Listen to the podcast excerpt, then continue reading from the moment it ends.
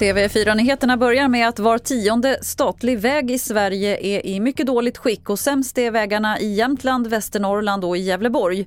Det här visar en analys som organisationen Transportföretagen gjort.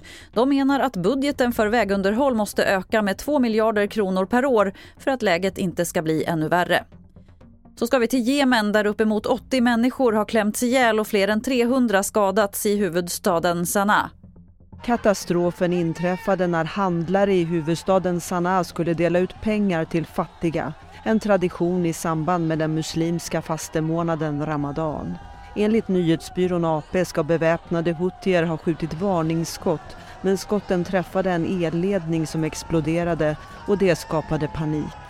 Tragedin är den dödligaste på flera år i Jemen av händelser som inte är relaterade till kriget. Reporter här var Ann-Katrin Hero.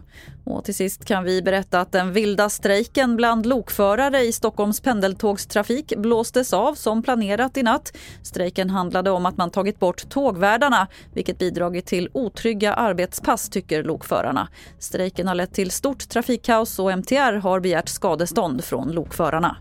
Fler nyheter finns på tv4.se eller i appen TV4 Nyheterna. Jag heter Lotta Wall.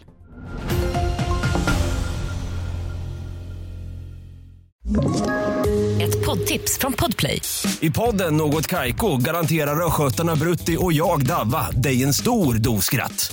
Där följer jag pladask för köttätandet igen. Man är lite som en jävla vampyr. Man har fått lite blodsmak och då måste man ha mer. Udda spaningar, fängslande anekdoter och en och annan arg rant. Jag måste ha mitt kaffe på morgonen för annars är jag ingen trevlig människa. Då är du ingen trevlig människa, punkt. Något Kaiko, hör du på Podplay. Därför är gardinerna.